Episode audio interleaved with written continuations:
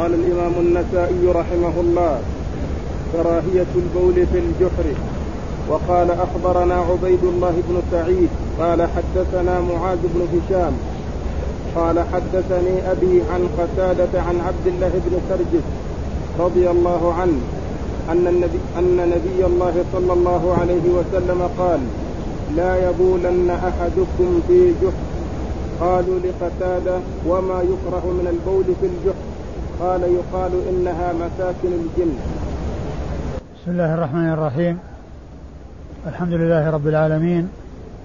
وصلى الله وسلم وبارك على عبده ورسوله نبينا محمد وعلى آله وأصحابه أجمعين. أما بعد يقول الإمام النسائي رحمه الله تعالى كراهية البول في الجحر. وأورد فيه حديث عبد الله بن شرجس رضي الله عنه أن النبي صلى الله عليه وسلم نهى قال لا يبولن أحدكم في جحر. قيل لقتادة وهو راوي الحديث عن عبد الله بن سرجس وما يكره من البول في الجحر يعني ما سبب الكراهية. قال يقال إنها مساكن الجن. يقال إنها مساكن الجن. هذا الحديث أورده النسائي تحت هذه الترجمة. وهي قوله كراهية البول في الجحر. كراهية البول في الجحر. ومن المعروف أن التراجم التي مضت يصرح فيها النسائي بالترجمة بالنهي النهي عن كذا. وهنا في هذه الترجمة قال كراهية البول في الجحر. فلعل لعل ذلك ل... ل... إما لكون الحديث يعني لا يخلو مما قال أو لكون المقصود من ذلك أن هذا من الآداب التي ينبغي التأدب بها وأن لا يكون المقصود منه التحريم أو أنه ماش على الطريقة المتقدمين التي يسوون التي يعتبرون المكروه أو يطلقون المكروه على كل ما كان ممنوعا ولو كان محرما. وكما جاء في القرآن بعدما ذكر الله عز وجل في سورة الإسراء آه، أمور محرمة من الكبائر وفي آخرها قال كل ذلك كان سيئه عند ربك مكروها مكروها.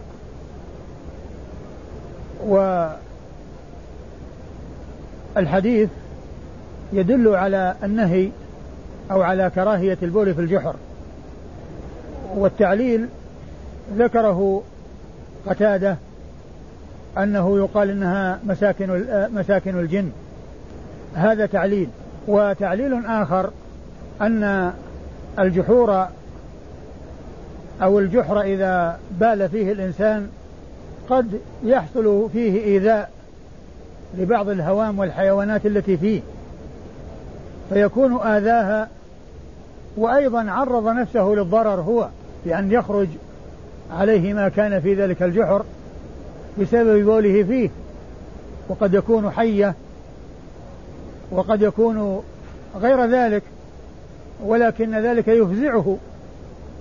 فيقوم ويصيب آه، آه، يصيب البول ثيابه وجسده بسبب فزعه الذي نتج عن تسببه وهو خروج ذلك آه، تلك الدواب التي في الجحور. فيتأذى بذلك ويؤذي بذلك فيتأذى بذلك هو ويؤذي تلك الدواب بفعله هذا. والحديث فيه كلام من حيث أن قتادة اختلف في سماعه من عبد الله بن سرجس رضي الله عنه وأيضا مع كونه مختلفا في سماعه منه هو أيضا مدلس. وقد عنعن بالرواية وعن عن عن, عن في روايته عن عبد الله بن سرجس لكن وإن كان الحديث فيه مقال إلا أن إلا أنه لا ينبغي أن يبول الإنسان في الجحر لما يترتب على ذلك من الضرر. والنبي صلى الله عليه وسلم قال لا ضرر ولا ضرار. فالإنسان لا يعرض نفسه للضرر ولا يجلب يجلب آه، آه، الضرر لغيره. ومن المعلوم أن الإنسان إذا إذا بال في جحر فإنه يؤذي تلك الدواب التي فيه وأيضا هو يتسبب في جلب الضرر لنفسه. فيكون آه، الكراهية يعني وإن كان الحديث فيه مقال من حيث ما يترتب على ذلك من المضرة. من حيث ما مثل من حيث ما يترتب على ذلك المضرة له ولغيره. له ولغيره.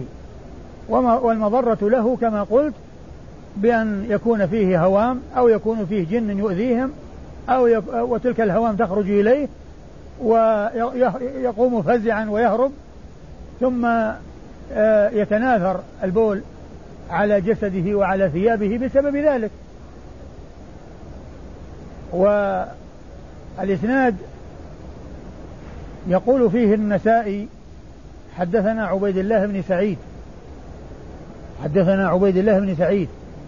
وعبيد الله بن سعيد هذا شيخ النسائي هو ثقة مأمون كما قال الحافظ بن حجر وقد خرج له البخاري ومسلم والنسائي.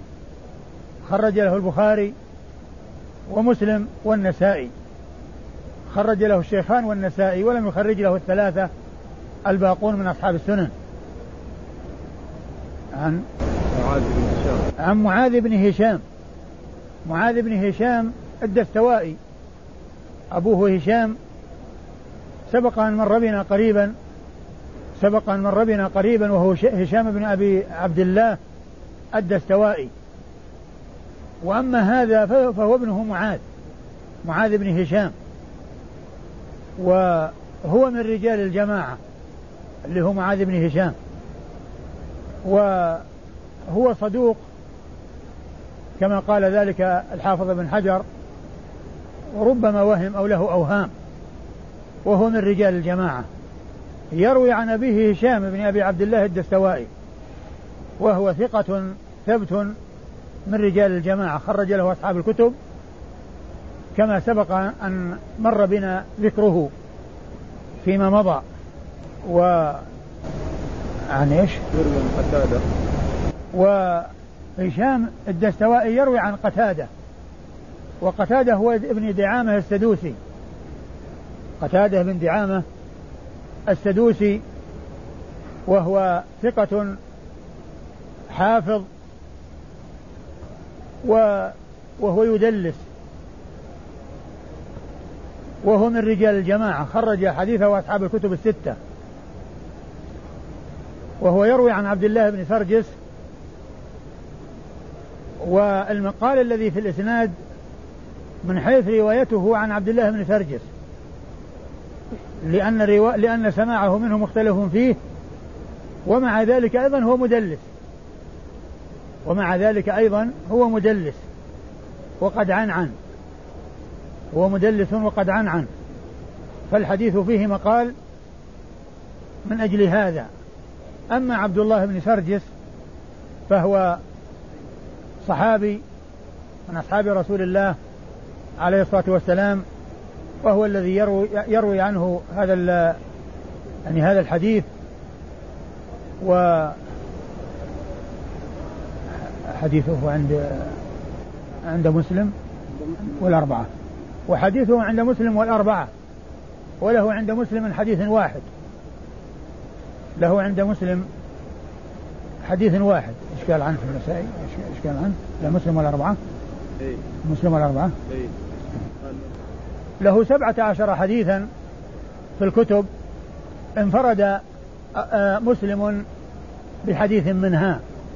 وليس له في البخاري شيء. ليس له في صحيح البخاري شيء. هذا عبد الله عبد الله بن سرجس. نعم. عبد الله. نعم له سبعة عشر حديثا. أين؟ أين؟ سبعة عشر حديثا انفرد مسلم بواحد منها وليس للبخاري ولم يخرج له البخاري. ليس في صحيح البخاري من أحاديثه شيء. بعده. قال النهي عن البول في الماء الراكد. وقال أخبرنا قتيبة قال حدثنا الليث عن أبي الزبير عن جابر رضي الله عنهما عن رسول الله صلى الله عليه وسلم أنه نهى عن البول في الماء الراكد. قال أخبرنا قتيبة قال حدثنا الليث عن أبي الزبير عن جابر نعم. عن رسول الله صلى الله عليه وسلم أنه نهى عن البول في الماء الراكد. ثم أورد النسائي هذه الترجمة وهي النهي النهي عن البول في الماء الراكد. وأورد في حديث جابر بن عبد الله الأنصاري رضي الله تعالى عنه أن النبي صلى الله عليه وسلم نهى عن البول في الماء الراكد. والحديث رواه مسلم في صحيحه والحديث رواه مسلم في صحيحه. والنسائي عبر بالنهي بخلاف الترجمة السابقة. ولعل الفرق في, في ذلك هو ما ذكرته من قبل أن هناك فيه فيه مقال. وأما الحديث هنا فهو صحيح وثابت ولا وقد وقد رواه مسلم في صحيحه وقد رواه مسلم في صحيحه. فهناك عبر بالكراهية وهنا عبر بالنهي. وهنا عبر بالنهي.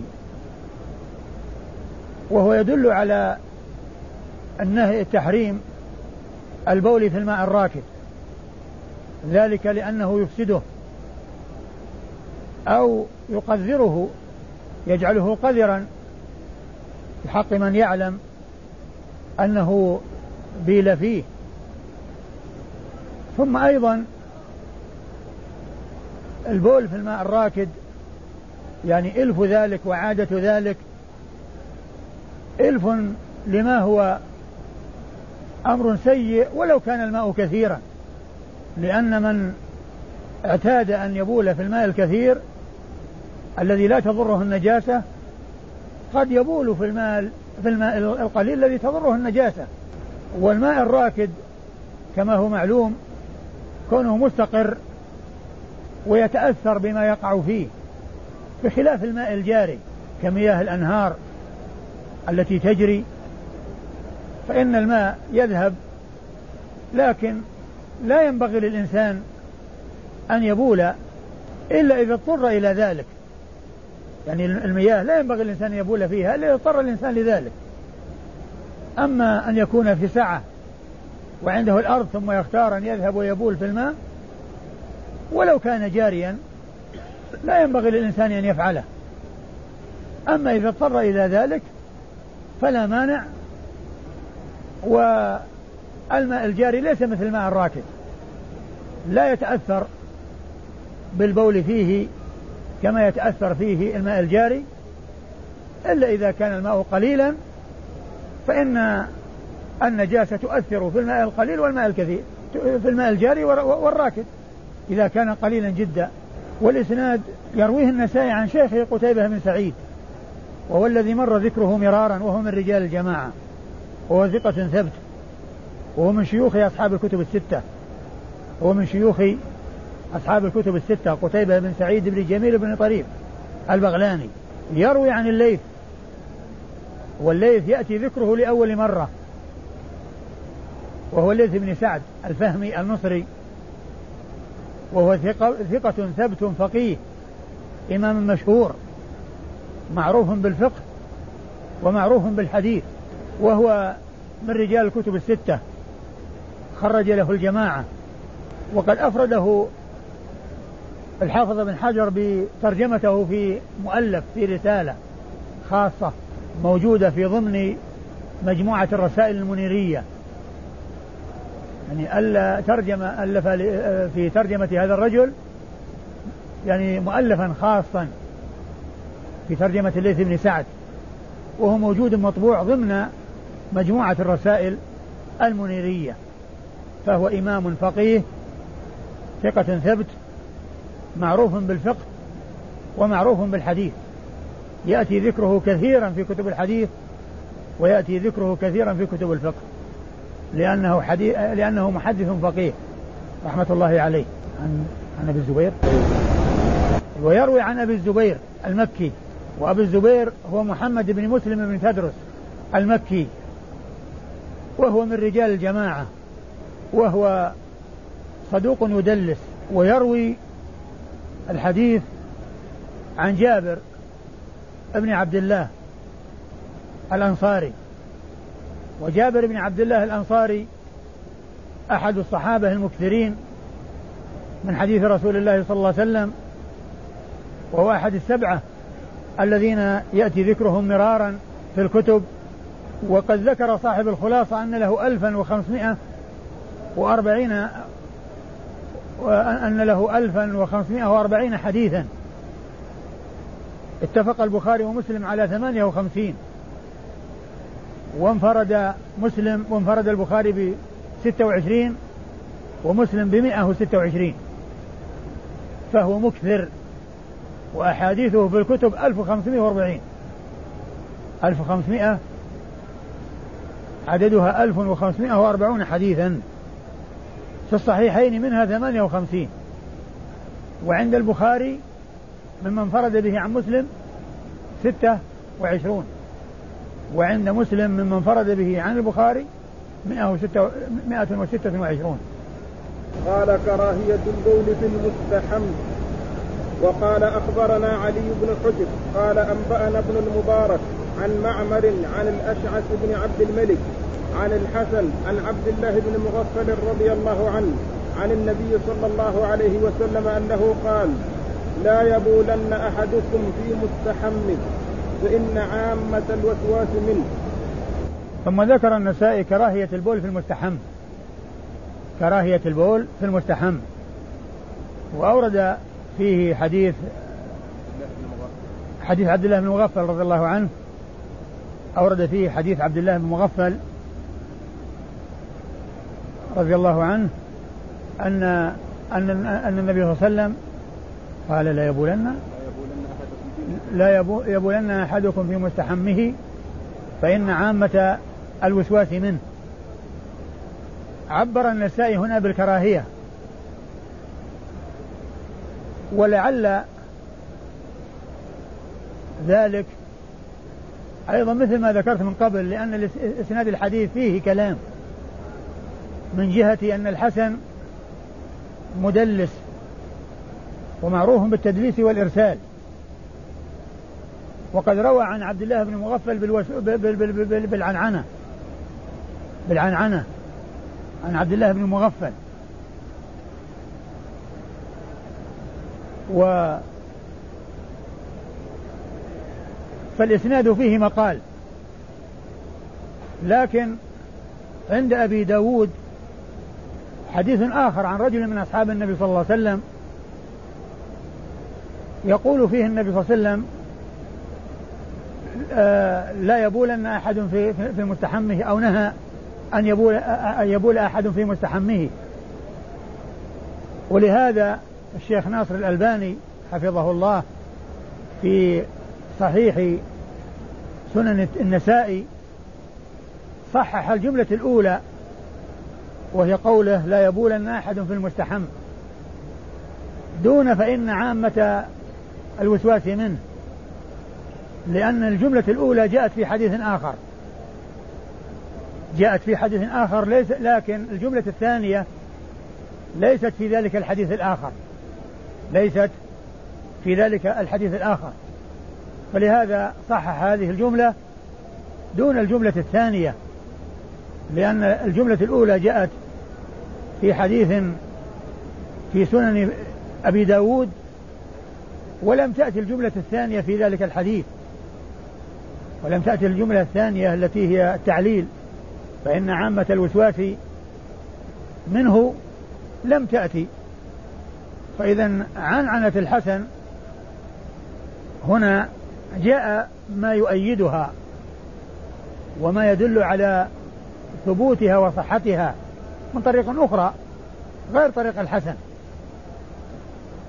لكنها ليست بطول حديث رواية الحسن وإنما هي في جزئه الأول دون الجزء دون الجزء الثاني. والنهي عن البول في المستحم قال بعض العلماء إن المقصود من ذلك ما كان إذا كان المستحم يستقر فيه البول بكونه صلب المكان صلب مبلط أو آه، فيه يعني شيء لا يذهب معه البول يعني لا يكون رخوا بأن يكون ترابا يشربه آه، يشرب البول ويضيع فيه البول ولا يبقى للبول أثر إلا رطوبة ذلك التراب أو ليس فيه آه، منفذ يجري فيه البول بحيث لا يبقى البول حائرا. بحيث لا يبقى البول حائرا. فإذا كان المكان رخوا وشرب البول وراح البول ولم يبقى له وجود أو كان هناك منفذ كالبلوعة يذهب فيها الماء البول ولا يستقر فإن هذا لا مانع منه. قالوا لأن المحذور من ذلك أنه إذا كان البول موجود ثم استحمى فإن هذا البول المجتمع يتطاير ويحصل الرش أو حصول الرشاش منه إلى جسده فيؤدي ذلك إلى الوسواس. هل جاءه بول ولا ما جاءه بول؟ هل جاءه بول أو ما جاءه بول؟ ففسروا الحديث بما كان من هذا القبيل. أما إذا ذهب البول ولم يبقى له وجود فإن هذا لا يؤثر. فإن هذا لا يؤثر لأن المحذور هو انتقال البول والبول لا ينتقل إلا إذا كان موجودا. أما إذا كان ذهب مع المنفذ أو الأرض ترابية وراح البول فيها ولم يبقى للبول وجود يتطاير وينتقل إلى الإنسان فإن هذا المحذور زاد. فإن هذا يكون المحذور قد زال. إيش الإسناد؟ علي بن حجر. يقول النسائي حدثنا علي بن حجر وهو السعدي. وقد سبق ذكر علي بن حجر مرارا. وهو من رجال وهو الرجال البخاري ومسلم والترمذي والنسائي. وفي نسخة التقريب المصرية بدل الترمذي أبو داود. وهذا ليس موجودا يعني الرمز لأبي داود ليس موجودا في الخلاصة ولا في تهذيب التهذيب بل بل ولم ينص عليه في تهذيب الكمال. لم ينص عليه في تهذيب الكمال لأن تهذيب الكمال ذكر أن البخاري ومسلم والترمذي والنسائي رووا عنه ما ذكر أبا داود.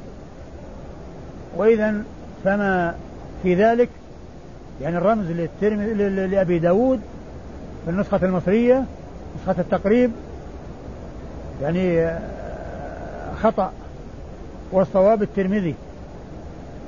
والترمذي روى عنه الترمذي روى عن علي بن حجر والموجود في تهذيب الكمال التنصيص على الأربعة البخاري ومسلم والترمذي والنسائي. البخاري ومسلم والترمذي والنسائي. وهو ثقة حافظ اللي هو علي بن حجر. نعم. عن؟ عن ابن المبارك. وابن المبارك يأتي لأول مرة. وهو عبد الله بن المبارك المروزي. وهو إمام جليل وثقة. قال عنه الحافظ في التقريب. ثقة ثبت إمام جواد مجاهد جمعت فيه خصال الخير. جمعت فيه خصال الخير. وهو من رجال الجماعة. وهو من رجال الجماعة. خرج له أصحاب الكتب الستة. أيوه. عن عن معمر. ومعمر هو بن راشد الأزدي البصري نزيل اليمن. وهو شيخ عبد الرزاق بن همام الصنعاني وقد مر ذكره يعني فيما مضى وهو من رجال الجماعة خرج له أصحاب الكتب الستة وهو ثقة. خرج له أصحاب الكتب. أيوه. عن الأشعث. قال هنا ابن عبد الملك. وفي رجال النسائي أشعث بن عبد الملك وأشعث بن عبد الله. وأشعث ابن عبد الله. وفي بعض نسخ النسائي أشعث بن عبد الله. وفي وفي نسخ الآخرين اللي هم أصحاب السنن الأربعة الباقون النسائي الترمذي وأبو داود وابن ماجه كلهم قالوا ابن عبد الله. كلهم قالوا في الإسناد ابن عبد الله أشعث بن عبد الله. ونسخة النسائي إحدى النسخ فيها ابن عبد الله. وفي تهذيب الكمال لما ترجم لمعمر بن راشد ذكر أنه روى عن أشعث بن عبد الله. وما ذكر أشعث بن عبد الملك. فكل هذا يدل على أنه أشعث بن عبد الله وليس أشعث بن عبد الملك. أولا كون إحدى النسخ فيها أشعث بن عبد الله.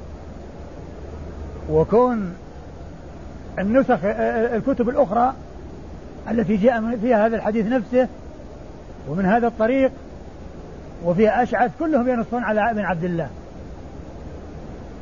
الترمذي فيه ابن عبد الله. وأبو داود فيه ابن عبد الله وابن ماجه فيه ابن عبد الله. وفي ترجمة معمر بن راشد في تهذيب الكمال ذكر أن من شيوخه أشعث بن عبد الله. ما ذكر أشعث بن عبد الملك. فهذا يدل على أنه أشعث بن عبد الله وليس أشعث بن عبد الملك. يعني الذي في النسخة الموجودة معنا يعني ليس صوابا. وإنما في النسخة الثانية هو هو الصواب. من جهتين. من جهة أن معمر بن راشد ما ذكر المزي في شيوخه أشعث بن عبد الملك.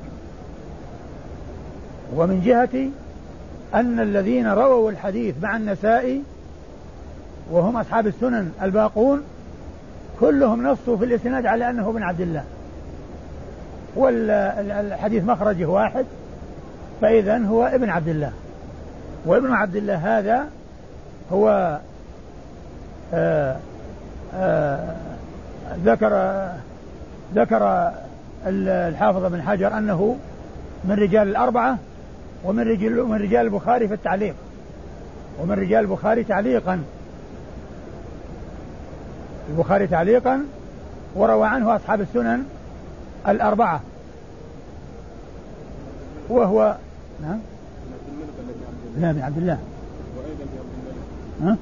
وأيضا في هذا الذي معنا روى له البخاري في التاريخ وتعليقا والأربعة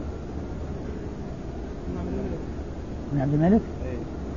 لا لا بن عبد الله وش قال فيه؟ لا بن عبد الله لأنه أشهد بن عبد الله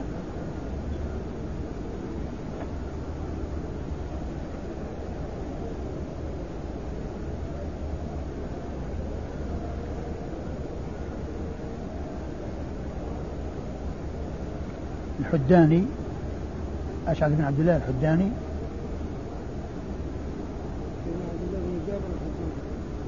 إيه؟ ها؟ جابر الحداني نعم إيه وش قال عليه؟ أربعة؟ البخاري تعليقا ولا أربعة؟ الحداني؟ أيوه. لا روى له أبو داوود بس؟ لا لا. لا لا مو هو. أبو داوود فقط؟ لا لا لا. تعليقا والأربعة هذا. البخاري تعليقا والأربعة وهذا الذي معنا بس ليس هو.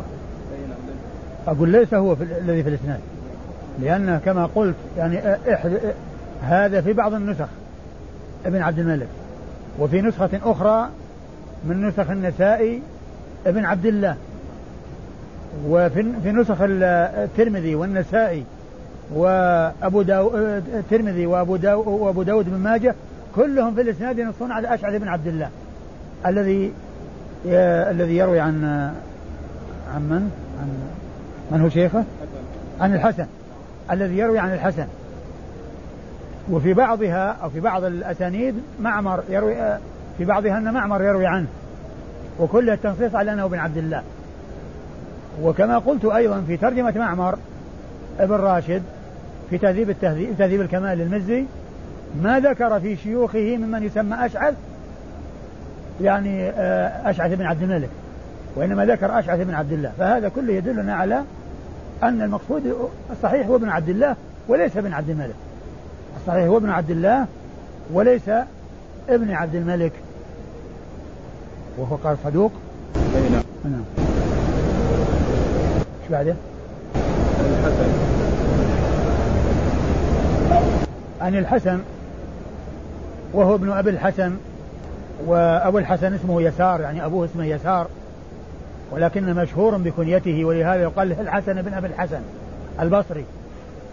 وهو إمام مشهور ثقة حافظ وكان يدلس ويرسل. معروف بالتدليس والإرسال. وهنا الحديث عن عنه عن عبد الله بن مغفل. الحديث عن عبد الله بن مغفل جاء بالعنعنة. فهو يعني محتمل يعني الضعف بل يعني لا يعتبر ثابتا بمجرد هذا. ولكن كما ذكرت أن في سنن أبي داود حديث آخر صحيح فإذا يعتبر آه، المقدار الذي يوافقه من حديث الحسن هذا يعتبر ثابتا لا من هذا الحديث وحده. ولكن منه ومن غيره. أما ما جاء في آخره فهذا مما لم يأتي إلا في هذا الحديث. ولهذا كما قلت اعتبر الألباني الجملة الأولى صحيحة من أجل الحديث الثاني والجملة الثانية ضعيفة لأنها ما جاءت في الحديث الآخر. أما عبد الله بن المغفل المزني صاحب رسول الله صلى الله عليه وسلم ف